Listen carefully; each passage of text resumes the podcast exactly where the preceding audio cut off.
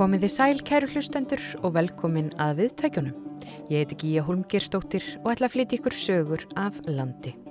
Þetta er fymti þátturinn af nýju í sumar þáttaröðin okkar þar sem við týnum saman efni frá liðnum vetri fyrir ykkur til að njóta í sumar.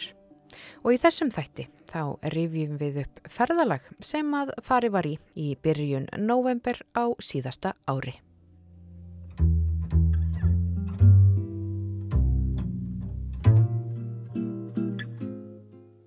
Ég stend hérna fyrir utan grunnskóla byggingu í litlu sjáarplási á norðvesturlandi. Þetta litla sjáarplási er með frábært útsinni allavega í dag hérna yfir í Strandafjöllin. Ég er auðvitað að tala um Skagaströnd og hér ætla ég að vera í dag og ná tali af fólki.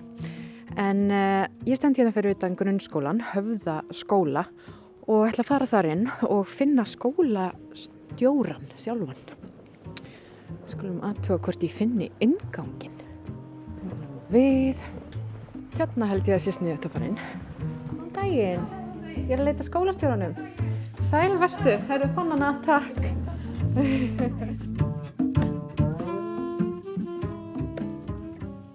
Við erum komin hérna á skrifstofu skólastjórans. Segðu mér, hvað heitir þið? Ég heiti Sara Diljá og er hjálmarsdóttir og er skólastjóri höfðaskóla á Skagarströnd. Velkomin til okkar. Takk fyrir. Uh, segðu mér bara aðeins frá skólanum. Hvað eru margir krakkar hérna og, og hvernig virkar þetta? Sko, eins og staðan er í dag þá eru 84 nefnendur við skólan. Mm, það var smá fækkun hjá okkur núna á haustöfum. Uh, við kennum í rauninni eftir stegum. Við erum svolítið að kenna fyrsta til fjóðabekk saman og í bland í alls konar hópum. Uh, Fymta til sjönda og svo áttunda til tíunda. Svo kemur sko leikskólinn einn morgun í viku með þau sem eru að koma í skóla næsta haust. Og mér var sagt að þú ert yngsti skólastjórin á landinu. Er, passar þetta? Eftir því sem ég best veit, já. Við vorum á skólastjórnámskeiði í Borganesi í haust þar sem þetta var aðeins reyfað og, og allavega enginn sem að mótmælti. Þannig að ég held það, já. Uh, ég er ekki vissum að ég sé yngsti skólastjóri sem hefur tekið til starfa uh, en yngsti starfandi skólastjórin eins og staðan er í dag, já. Og þú ert nú ekki frá Skagaströnd. Uh, segðu mér, hvaðan, hvaðan kemur þau? Ég er fætt og uppalinn í Stikkisólmi. Já, ég rauninni gekk í gegnum grunnskólan þar, öll mín tíu ár, fór svo í mentaskólan á laugavatni eftir ég kláraði tíundabekk. En laug samt stúdensprófi frá fjölbrytaskóla Snæfellinga ákveða að fara heim og taka þetta aðeins stittri tíma heldur en bekkakerfi og lögvætni bauð upp á. Og búin að prófa svo að búa Akureyri í tæp 2 ár og kem svo hinga 2015 Og hvers vegna kemur þú hingað? Flyttir þú til uh, Skagastrandar? Ég kem hingað að því að maður minn er alin upp á hofi á Skaga. Fluttist þanga þegar hann var að verða 8 ára gammal og á þar móður og, og fóstupappa og við vorum einhvern veginn bara á pínu svona krossgötum. Uh, ég var að klára fæðingarólof uh, hann vildi hætta á sjó og fara að vinna bara sjálfur á sjó með sína trillu og foreldra mínu voru að flytja úr stikkisvölum á þessum tíma og þetta var einhvern veginn bara svona við stóðum bara á pínu tímótum og ákvaðum að prófa í eitt ár eða hann sannfærði mig um að prófa í eitt ár og hér eru við enn. Og hvaða, byrju hvaða ár var þetta sem þið flytist hingað? 2015. Þannig að í vor, næsta voru verða komið fimm ár. Þannig að þið prófið í eitt ár og já.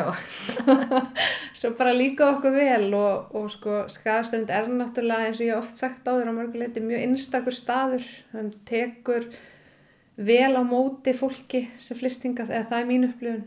Um, ég kom náttúrulega algjörlega ný og þekkti engan á meðan maðurinn minn svona gekk meira bara inn í samfélagið hann náttúrulega þekkti mann og annan og, og hérna var svona meira inn í hlutunum það hjálpaði mér náttúrulega líka að fara svona fljóðlega eftir í flytt að vinna og á svona stóru vinnustæði náttúrulega stæðsti vinnustæðurinn á Skagaströnd er skólinn.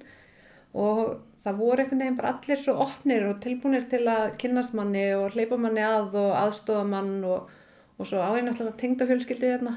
Og það náttúrulega hjálpar því að maður einhvern veginn sækir svolítið í að vera alltaf nálat fólkinu sínu, einhverju af þeim allavega. Og hérna, já. En uh, þú talar um að, að Skagaströnd taki vel mm -hmm. á mhm. móti mm -hmm. nýju fólki. Mm -hmm. Heldur það sé betra að flytjast í svona örliti smerri samfélag heldur en kannski, já upp á að vera nýr? Sko nú hef ég alveg samanburðin, sko ég hef náttúrulega eins og ég sagði, ég hef prófað að fara á heimavist uh, í litlu samfélagi sem var alveg einstakt. Uh, svo fluttu við þegar við byrjum að búa, þá fluttu við á Akureyri og svo prófað að flytja hinga, þannig ég hef alveg samanburðin á því. Uh, það er bara ekki hægt að líka þessu saman.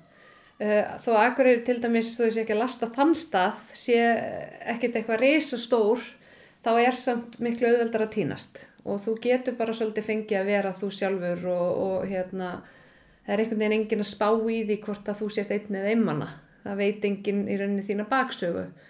Hér er þetta bara þannig sem er náttúrulega bara kostur að galli að, að fólk er miklu með, meðvitaðara um hvort annað og svona mín upplifinu svo að það passar meira upp á náungan sko. Unga fólki er að reyna að stilla sér saman og gera hluti saman og og svona, já, þannig ég myndi segja að allavega mín upplifinu svo að það er auðveldar að flytja í lítið samfélag og þekki engan en kannski hendar það einhverjum öðrum að fara í starra samfélag sem bara vill fá að vera meira einn í friði, ég vil náttúrulega aðeins svona hafa lífi kringum mig sko þannig að hérna, já, flutningarnir hingað voru töluvert auðveldari heldur en til dæmis akkur Já, en þú talar um að þessi skóli, mm -hmm. hafðaskóli, grunnskólin þetta er stærsti vinnustæðurinn mm -hmm. hérna á Skagaströnd mm -hmm þetta er þá svolítið límið kannski í samfélaginu? Já, mín upplifun náttúrulega sem skólamanniski er svo að, að skólanir séu límið í hverju samfélagi, sama hvort að hversu stort það er. Uh, skólinn er einhvern veginn svona staður þar sem allir koma saman, þar sem allir sem eiga börn, uh, þetta er svona vettvangu fyrir fólk til þess að hittast, það eru skemmtanir og það er ymslitt um að vera og þetta er svona þetta er svona sá staður sem einhvern veginn allir geta og einhvern hátt tengt við hvort sem það eru fóreldrar ömur afar, frængur eða frændur eða voru einhvern tíman í skólanum eða hvað svo sem það er. Þannig að klárlega mín upplifinu svo, ég er ekkert við sem að sé allir sammála mér en, en hér þá held ég það já. Og, og ég verð ekki við annað en að, en að fólk sé ánætt með skólan og svona finnist þetta það sem hér fram velgerst sko Hvað eru margir nefnendur áttur? Það eru 84 nefnendur og það er svona, hefur verið breytilegt svona á milli ára síðan ég kom.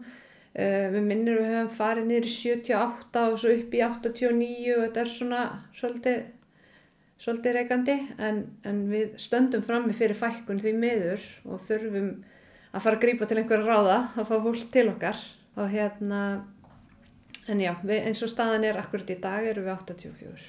Uh mhm. -huh. Og hver eru svona helstu áskoranir í að stjórna svona litlum skóla? Sko, mér finnst náttúrulega svolítið erfitt að segja það strax. Ég náttúrulega bara tók við fyrst ágúst. Um, hér voru undan mér hjón sem styrðu skólanum í fimm ár og ég lærði náttúrulega alveg ótrúlega mikið af þeim.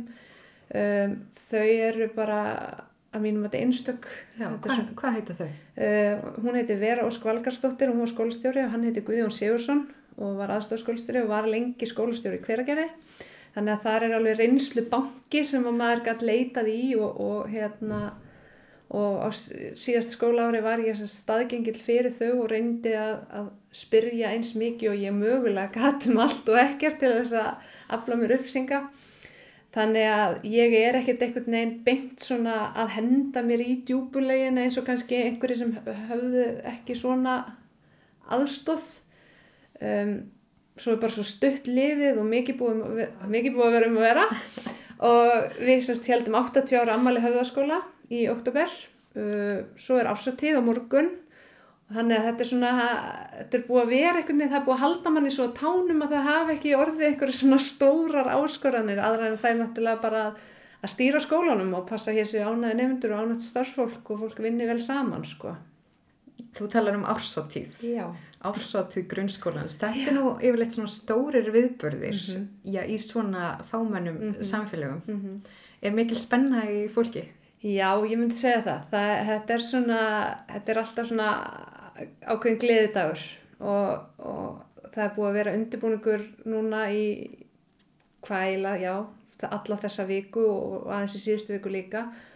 Og þetta fer þannig fram hjá okkur að, að það er sérst genararpröfi fyrramáli og þá mæta nefndu klukka nýju og við gerum aðeins meira úr því. Þau fá að mæta með spari næsti og svona og horfa á hinn aðtriðin og svo hefst ásatíðin klukkan 6 þar sem að bara allir eru velkomnir eftir að dagskra líkur býður skólafélagið svo upp á kaffilaðborð eða með sölu sem er fjáröflum fyrir úlingana og þetta er svona, já, þetta er svona ákveðin þáttur í skólastarfinu sem er ofbúðslega skemmtilegur. Og, og svona gaman að fylgjast með þeim einhvern veginn frá því að vera stík á sviði fyrsta bekk og svo sjáðu vaksa alveg út í gegn. Uh, ég viðkennum það samt fúslega að verandi eins ólistræn og hægt er að það er rosalega gott að vera á hliðalínu núna vera ekki að undibúa atriði með bekk og, og standa í því en kennarinn er náttúrulega búin að vinna ótrúlegt starf og gera það á hverju ári sko. en, en ég væri að ljúa ef ég myndi segja að ég sakna þess að vera þeirra sporu þannig að mér stúða gott að fá að fylgjast bara með og passa allt farið vel fram Og ertu búin að sjá ykkur atriðin? Hva, Nei. Hva? Nei, ég hef ekki fengið að sjá en, en ég veit að þetta verður fjölbreytt og skemmtilegt og ég hlaka bara til að sjá þetta og genararpröfni fyrirmáli en maður hefur svo sem hyrt söngvan og óma hérna um gangana þegar það verið að æfa sig og svona aðeins kannski lagt saman tvo og tvo hvað er að fara að verða. En nú er þetta svona aðeins frjálslegra því fyrra þá sagt, tengdu við þetta við fullveldisammalið og öll atriðin voru svona þessum hundra, þessari hundra ára sögu og kannski þá aðeins svona formlegri og svona öðruvísi. Nú er þetta meira svona söngur og gleði. Þannig að þetta er mjög spennandi. Já, svona bara rétt að lokum, nú ert þú hérna ætlaðar að vera í ár, mm -hmm. ert búin að ílengjast um mm -hmm. fimm ár, mm -hmm. hvernig sér þið framtíðina fyrir þér? Um, framtíðin er bara björnt, ég veit ekki hvar ég enda eða hvert, hvert lífi leiði mig, það er náttúrulega það sem er spennandi við þetta og, og ég lagði ekki á stað uh, í kennslu árið 2014 með það bak við eirað að ég ætlaði að vera orðin skólastjóri eftir fjór ár eða fimm. Um, þau eru nú stundum að grínast með það hérna starffólki að þetta sé svona starfi sem að kennarar enda í þeir eru orðin svona svolítið útbrunnir í kennslunni. Ég er ekki alveg þar og ég ásöldi erfitt með að slíta mig frá. Ég er að reki nefið og aðeins að skipta mér af. En ég veit það ekki. Ég veit ekki, ég get ekkert svaraði hva, hvert hvar ég enda eða hvert lífi leiði mig, það verður bara komið ljós. Það er það sem er svo spennandi við þetta. Já, takk fyrir þetta spjall. Takk sem leiðis og nú ætla ég að halda áfram ferðminni um Skagaströnd. Góða skemmt Takk fyrir.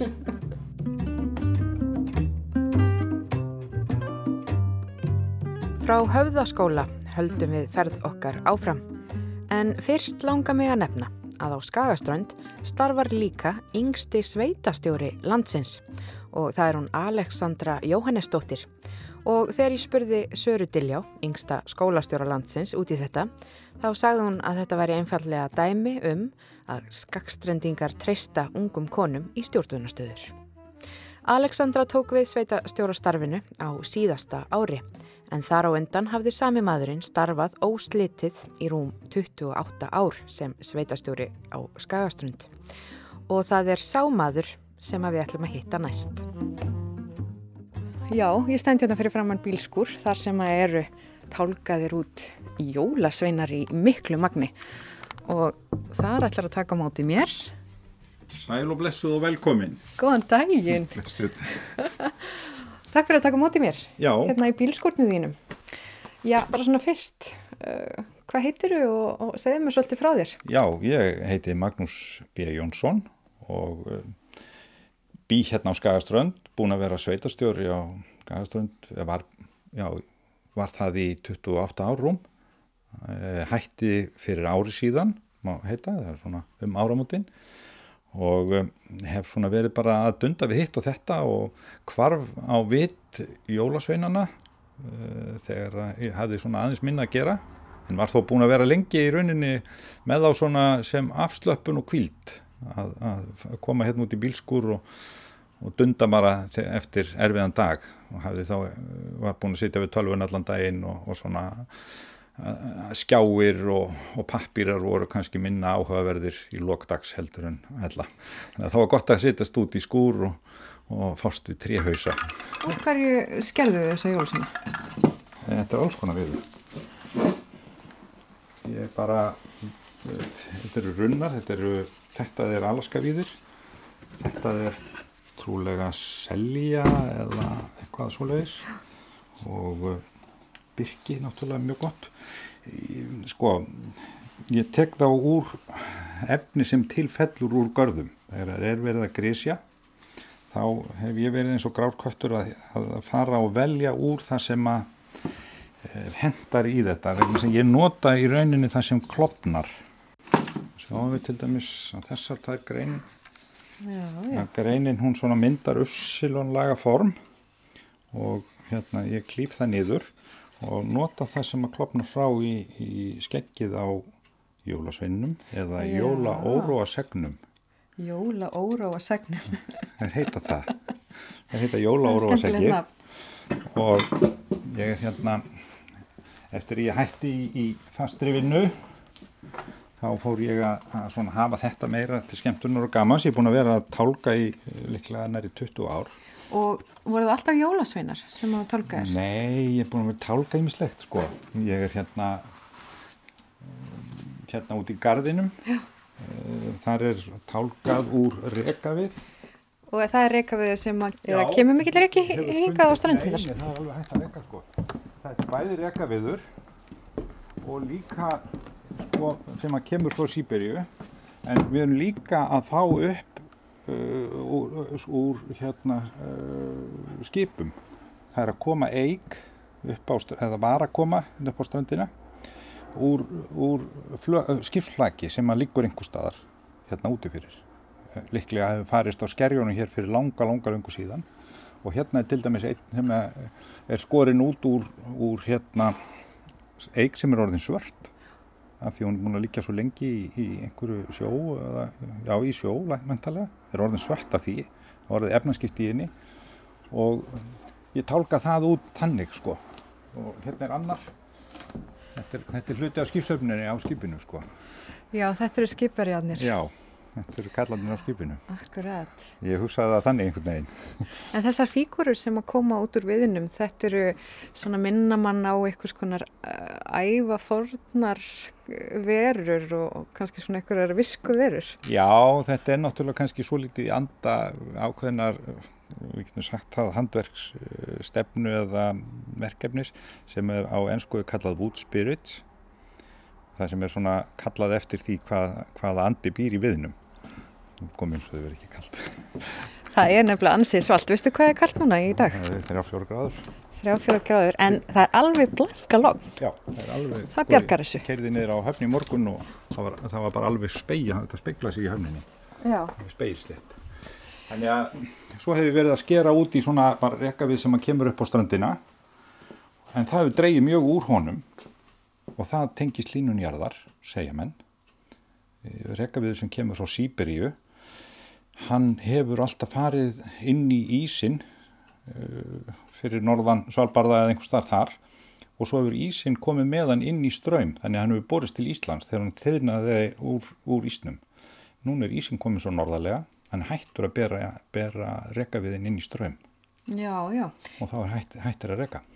Ég hafði líka hérst einhverju kenningar um að rekin hefur minkað út af öðruvísi vinslu aðferðum já. í skóðurhafinu.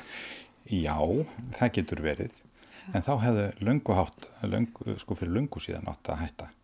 Þetta er önnu kenning og ég held að menn séu enn að fá flóði átnar og út í Sýberíu og missa eitthvað yfir og svo er átnar líka að rýfa á bökkum og allavega hana sko og svo láta mér bara fara. Ég, þetta er bara kenning sem hefur verið, ég veit ekki hva, hvað er rétt í henni, en mér finnst ágætt að, að nota þetta þannig að segja, þetta er eitt af enginnum hlínunarjarðar, að það er hætt að berast, hættur að berast reka við frá Sýberíu til Íslands. Mm -hmm. Það er svona ábending. Hvað hefur, ertu, fættur uppalinn hér á Skagastrand? Já, ég fættur hér uppalinn, þetta, þetta er minn staður. Þannig ég búið hérna alla mína tíð fyrir utan bara námsár og svona eitthvað. Segðu mér aðeins frá uppvakstar árunum. Þau eru bara góð bara fínt að alast upp í litlu þorpi og þegar maður horfir yfir þorpið í dag þá er ótrúlega margt sem hefur breyst. Allt, það er, það er eiginlega allir hlutir orðinir öðruvís í dag heldur en var þá. Auðvitað hefur þetta þróast áfram og orðið til batnaðar allt saman en samt sem áður leið okkur bara vel með þetta sem krakkar hérna sko. Við vorum að leika okkur hérna á skíðasliðum og gödunum bara af því að það voru svo fáið bílar, það gerði ekki til.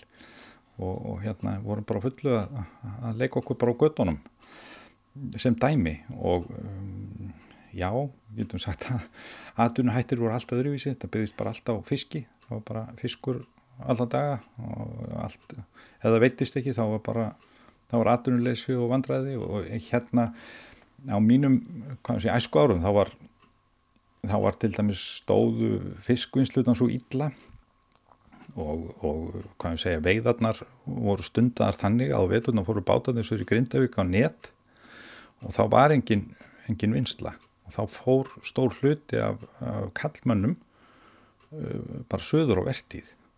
Og, og við vorum hérna eftir heima krakkarnir og, og konur og börn heima mjög oft voru hérna kindur og kýr jafnvel utan uh, í skúrum við húsin. Því það var svona stundað sjálfsvörtabúskapur í litlu þorpi. Og uh, þetta var verkefni okkar krakkana að sjá um þetta. Ég, ég vil ekki verið eitthvað 11 ára gammal þegar ég byrjaði að sjá um einhver eftir 80 kindur í skúr utan á húsinu heima af því að pappi var farin á vertið þetta var svona, já, þetta var talsveit mikið öðruvísi líf Það eru breyttir tímar, svo sannlega. Já, það eru breyttir tímar. Núna er mjög fáar. Þá, á þeim tíma voru hátt í 2000 fjár bara í þorpinu.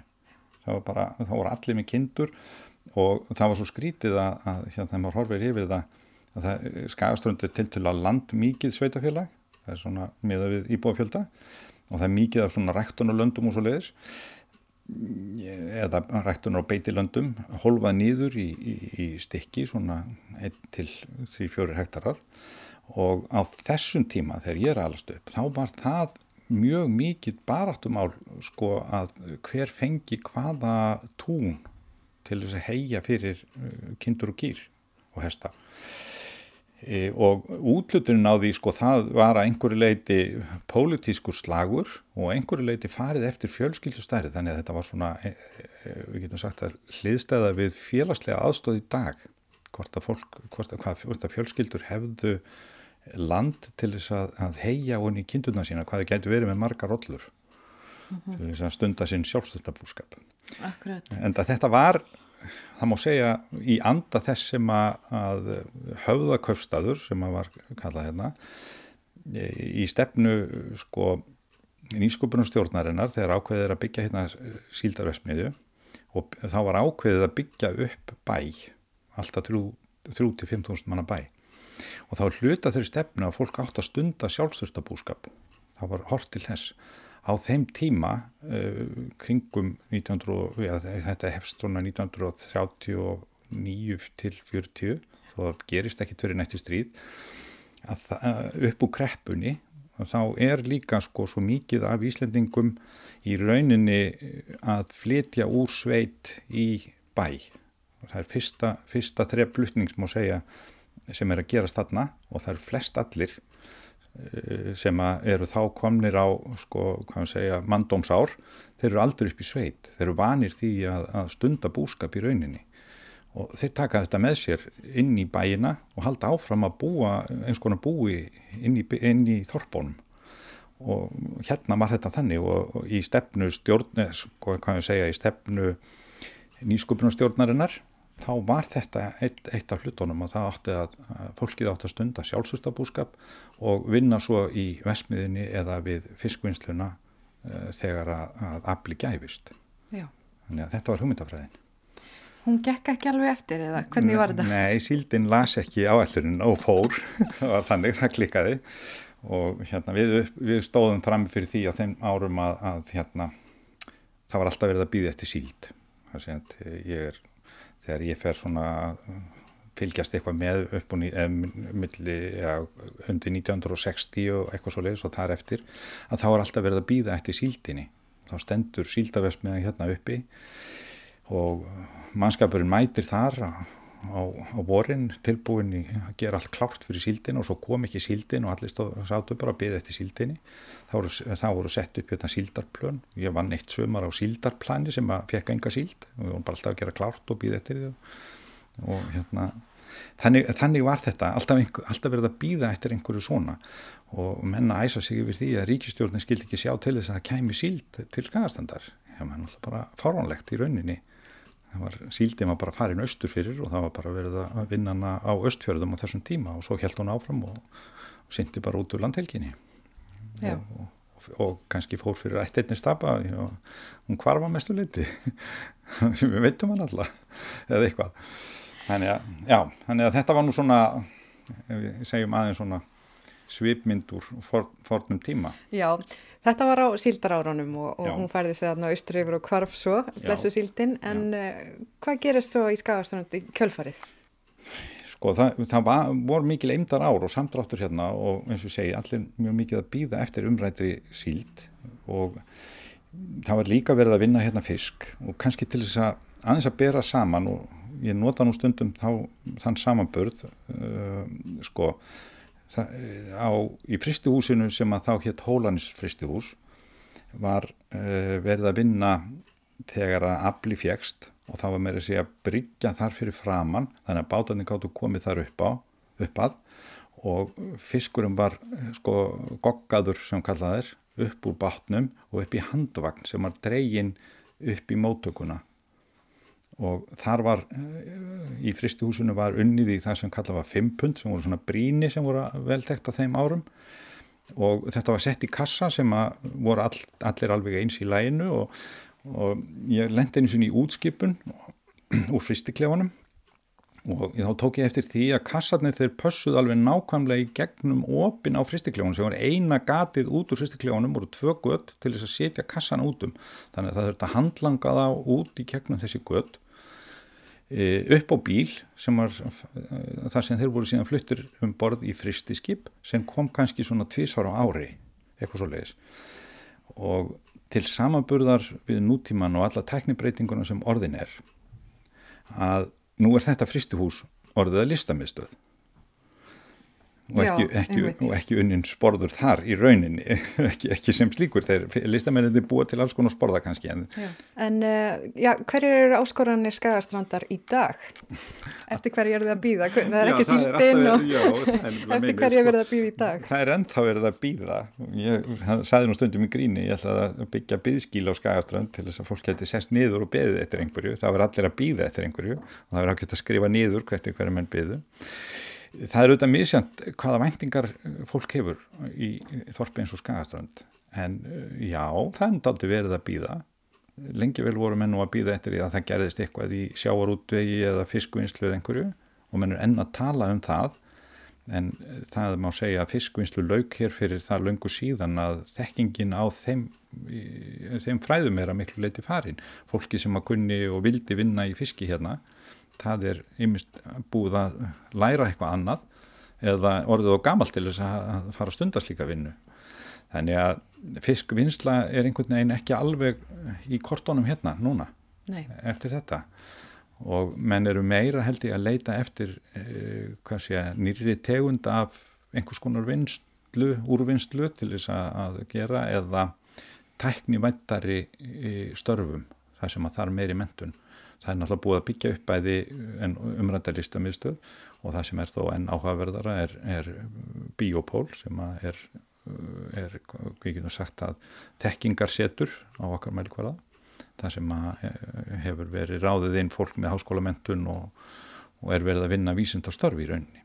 Þannig að það er mjög áhugavert sem slíkt og miklu nær þeim raunveruleika sem við erum að fást við í dag og því sem við erum að segja. Þannig að ég held að mjög margir sé að býða eftir einhverju aukningu á þessum sviðum í, í skapandi greinum og í rannsóknum og slíkri, slíkum starfum Já, uh, svona bara uh, aftur til þín.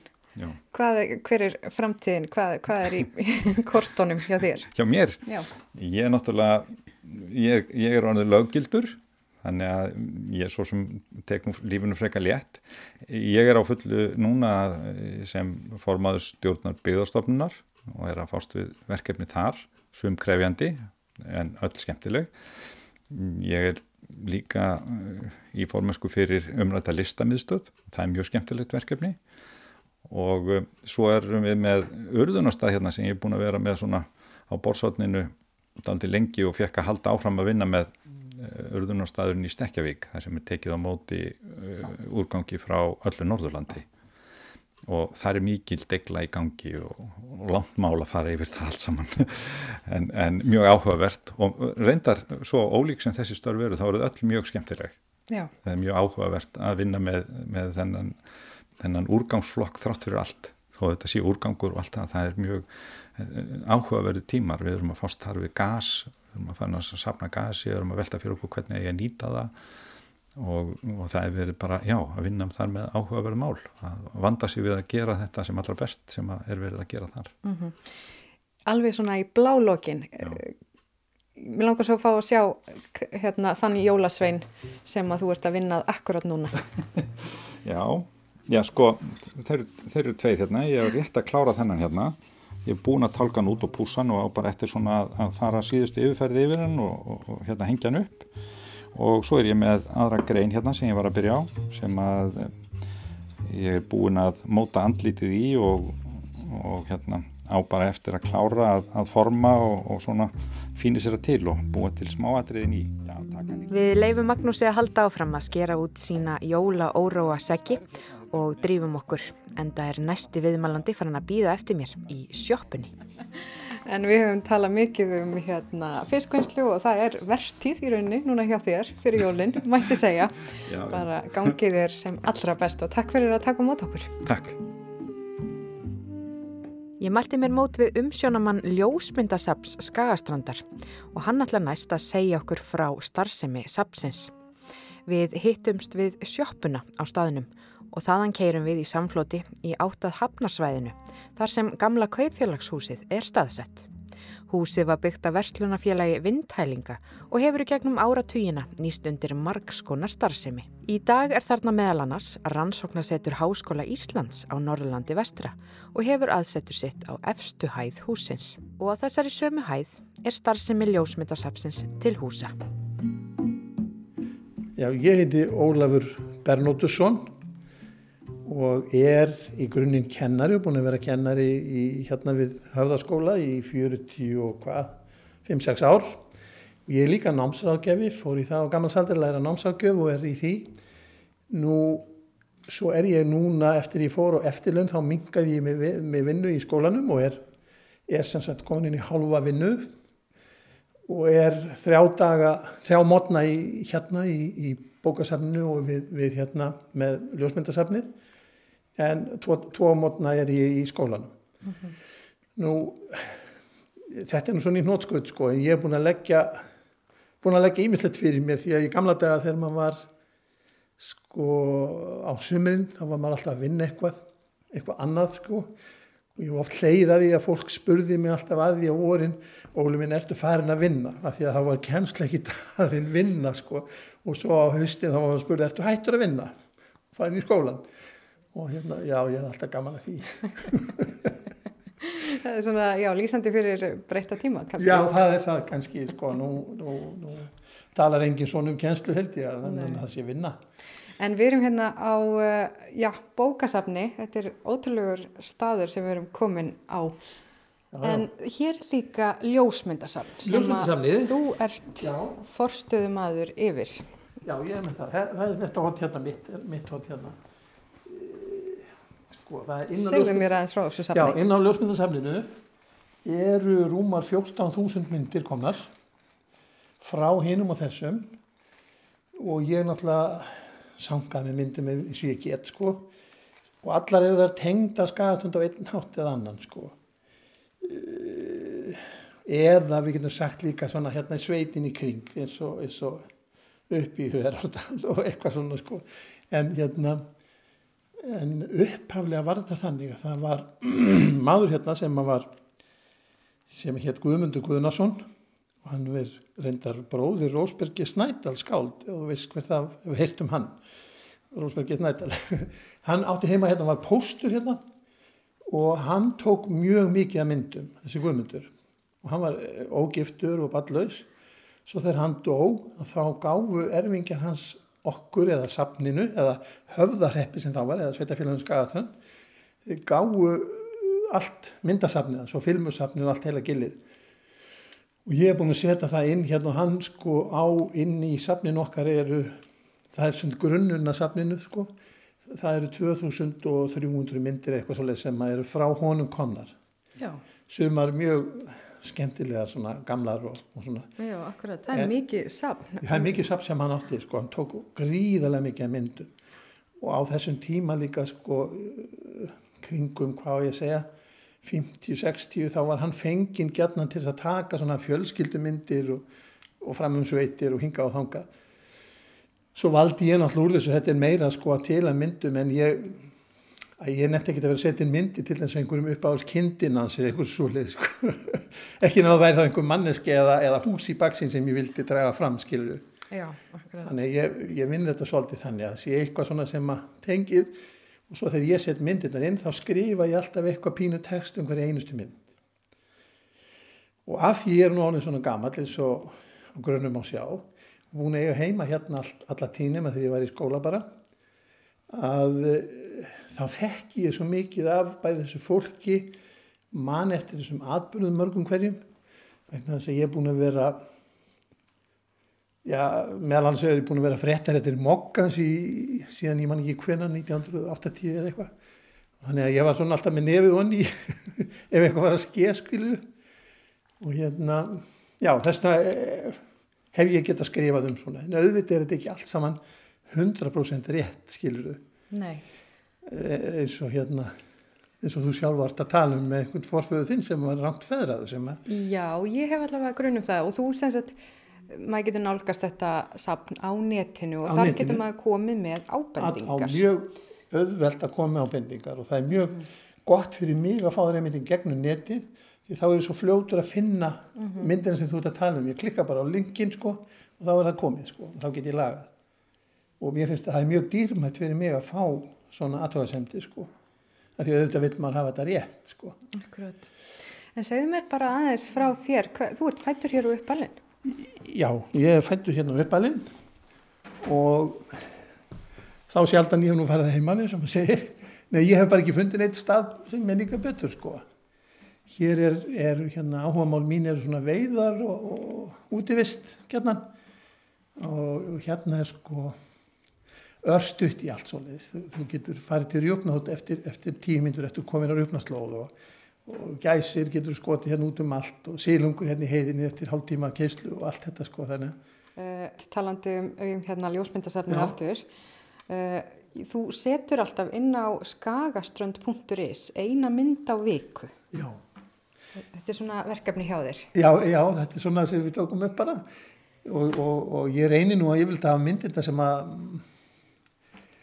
að ég reyna að koma einhverjum fróðleiksmólum að í leiðinni. Gamli kennarinn í mér kemur upp sko.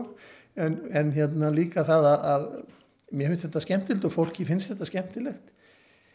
Og svo tók ég upp á því einhver tíman að þegar að fólk deyr hérna og er jarðsett hér á Skagatrönd það er segja skagstendinga sem við þekkjum að þá hef ég það alltaf fyrir myndvikunar af viðkomandi og skrifa eitthvað pínlítið um, um hann og reyna náttúrulega að vera vingjallegur í því.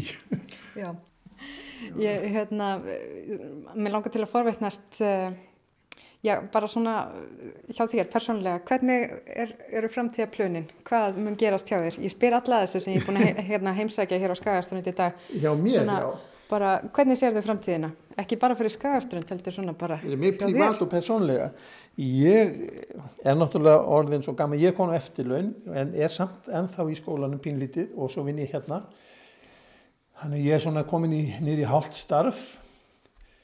E, svo er ég náttúrulega í þessum blessuðum jólasveinum, eins og ég var að segja þess. Herði, já, þú Tálka jólasveina tálkar sem að- líka jólasveina. sem, er- sem ég sel síðan sko. Já, það verðist vera ansi algengt sport hérna á Skagaströnd. Það erum við bara tveir, ég og, og Maggi, við, minn, við erum bara tveir. Við erum búin að bralla svo margt í gegnum tíðinu við Maggi að það lengi vel voru við nú eiginlega alltaf nefndir sko saman. Þá að hann fór í sveitastjórun og þá, þá, þá svona Já. óksan upp úr mér. Ég er mjög ána með að hafa komið til Skagastrandar og náða að finna einu skarsendingana sem sker út jólasveina og vissi það ekki.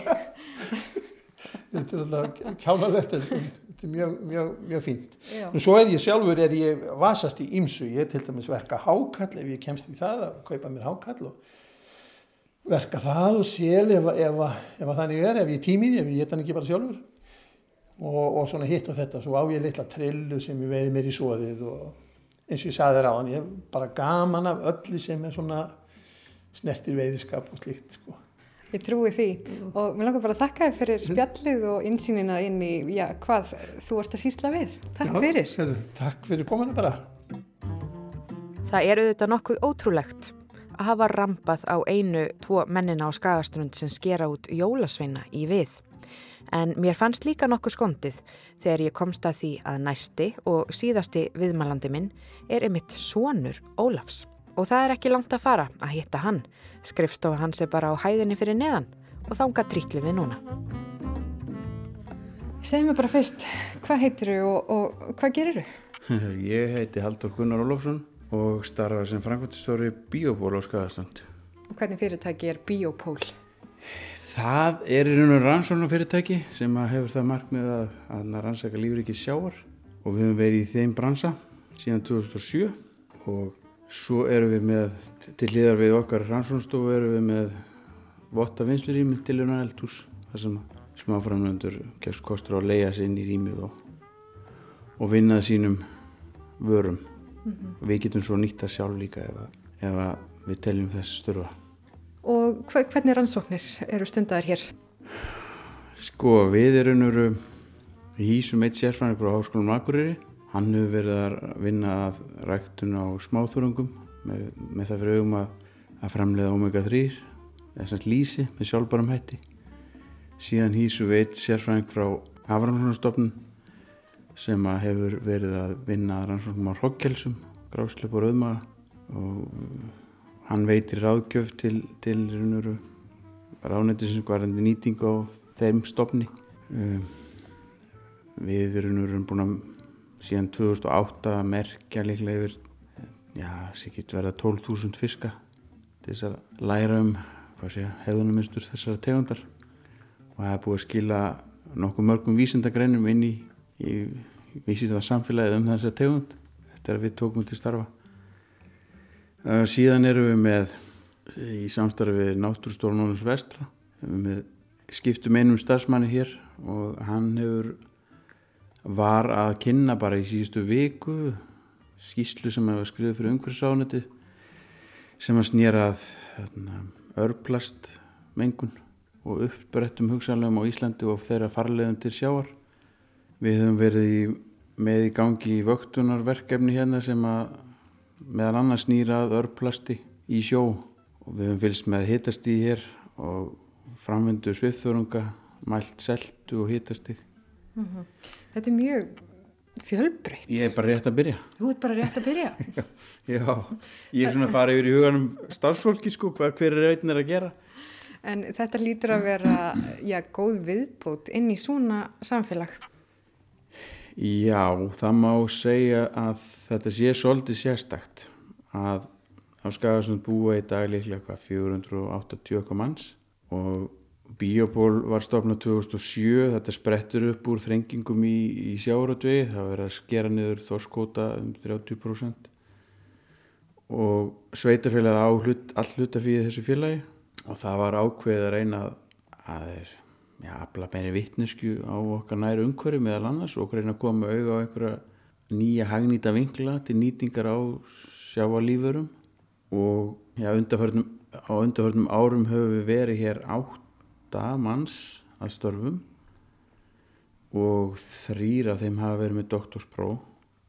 Þannig að það hefur svona tekist að byggja hér upp ákveðin kjarnafólki. Að allt öðrum toga heldur en það hefur í raun og veru verið á Skagarsland þar sem að Skagarsland hefur fyrst og fannst byggst upp í kringum veiðar og vinslu sjáarafrða og oft er talað um þegar menn eru í einhvern þrengingum að það er að koma eitthvað annað. Það verður bara að gera eitthvað annað. Og þetta er kannski eitthvað sem að tókst að reyna að búa til eitthvað annað sem hefur þó skýrskotun í okkar sögu og fortíð. Og þannig hefur þetta rauninu bara þróast. mm -hmm. Menn að skagastund hefur upplifað ef við förum frá já bara upp á 1940 þá var þetta byggjast þér upp síldarinnaður síldarversmiða, ríkisins sílding kvarf það komu mögur ára upp úr því þá til að stopna hér útgerðafjöla 1968 skagstætningur sem að gekk mjög vel.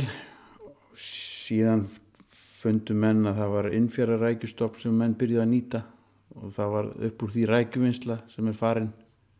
Uh -huh. og það var skellfiskvinsla veit þúsund tonn eða meira.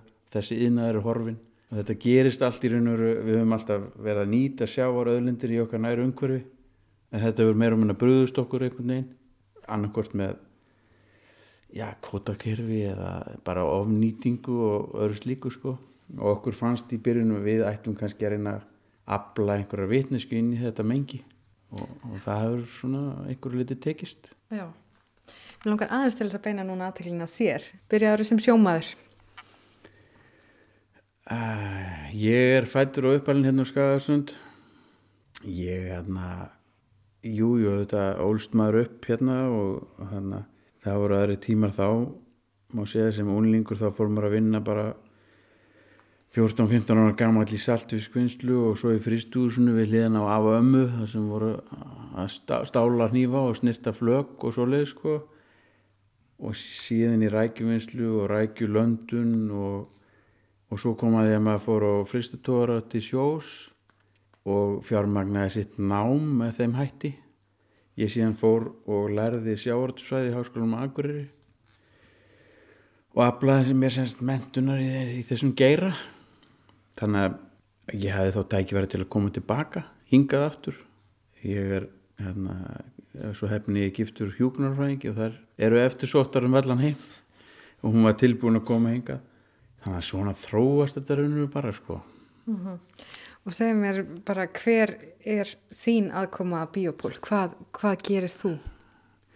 Sko ég hef náttúrulega bara í upphafi, ég var fyrsti og eini starfsmann í byrjaði störf 1. september 2007 og þá náttúrulega bara gerði maður allt að skrifaði styrkumsóknina og, og þú veist, aflaðis þessar peninga og, og fann síðan fólk til að vinna með okkur í, í að leysa verkefnið og fór út um all land og var um borði í gráslupubátum og hitt og þetta og síðan í raun og veru hefur þetta breyst svolítið, ég er bæði innviklaður í ákveðin verkefni en núna er það kannski meira þannig að, að ég virka eins og framkvæmtastjóri og er framkvæmtastjóri sem sé til þess að það fólk sem er í vinnu hér hafi bara getið sint sínum störfum. Það fóði borgu laun og svo framvegs og reyna að sveia þeirra markmiða okkar. Þannig að þetta er svona breyst frá því að vera í öllu allstaðar í það að vera kannski meira í stjórnun. Já, eh, ég er nú búin að fara víða um eh, Skagaströnd í dag og tala við hérna ymsustu aðila. Og ég hef alltaf enda spjallið á að spyrja hvað er svona, hver eru framtíðaplunin, hver er framtíðasínin mm -hmm. og já, hvernig ser þú framtíðana fyrir þér? Bæði bara fyrir biopól og Skagaströnd og já, kannski því persónulega? Ja, við erum náttúrulega á mörguleiti á skrítnum tím eða þannig. Bíóból fær vonandi bara að halda áfram að vaks og dafna og hérna höldum áfram að vinna verkefni sem teljum að skipti máli fyrir okkar samfélag og íslenska þjóð. Í Skagastund hefur náttúrulega upplifað ákveðnar svona þrengingar og nú stöndum við fram með fyrir því að það er yfir okkur valdbóð vandanlegt um stvingaðar saminningar sveitafélag þannig að en auðvitað er verið að samina stjórnsýslu þessara sveitafélag en ekki endilega samfélögin.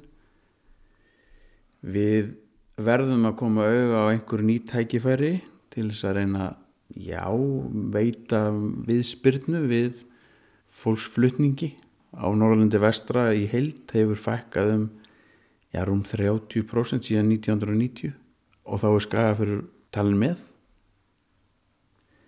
Það er eitthvað sem við getum ekki sagt okkur við en ég ætla ekki að segja ég ætla að taka það verkefni að mér einn. Og þarna þetta er alls ekki einfalt. Nei. auðvitað byggjast þessi þorp upp í eins og við fórum í gegnum í kringum nýtingu á staðbundum auðlundum sem eru síðan annarkvort nýttar af einhverjum öðrum og raun og veru kannski voru aldrei fórsend til þess að all, öll nes og öllir skagar gætu haft fristi og og, og fristi hús út um allt sko. Menn voru að taka vantilega mikið út úr menginu. En við þurfum að koma og auða eitthvað nýtt tækifæri hérna til þess að byggja upp atvinnu til þess að reyna að stöðva þessa neikvæðu byggðarþróun sem hefur veikt okkur mjög mikið á öllu Norrlandi vestra. Já, það eru margar áskoranir í framtíðinni og ég bara ósk ykkur góðs gengis. Takk fyrir spjallið. Já, takk fyrir það. Þarna var rætt við Haldur Gunnar Ólafsson. Í þættinum var auk þess rætt við Söru Diljá Hjálmarsdóttur, Magnús B. Jónsson og Ólaf Bernótusson. Þessi þáttur var frumfluttur þann 15. november 2019 og þar með er upprifjun okkar á ferðalagi til Skagastrandar, Lokið og sögur af landi Kveðja. Við þökkum þeim sem hlýttu lifið heil.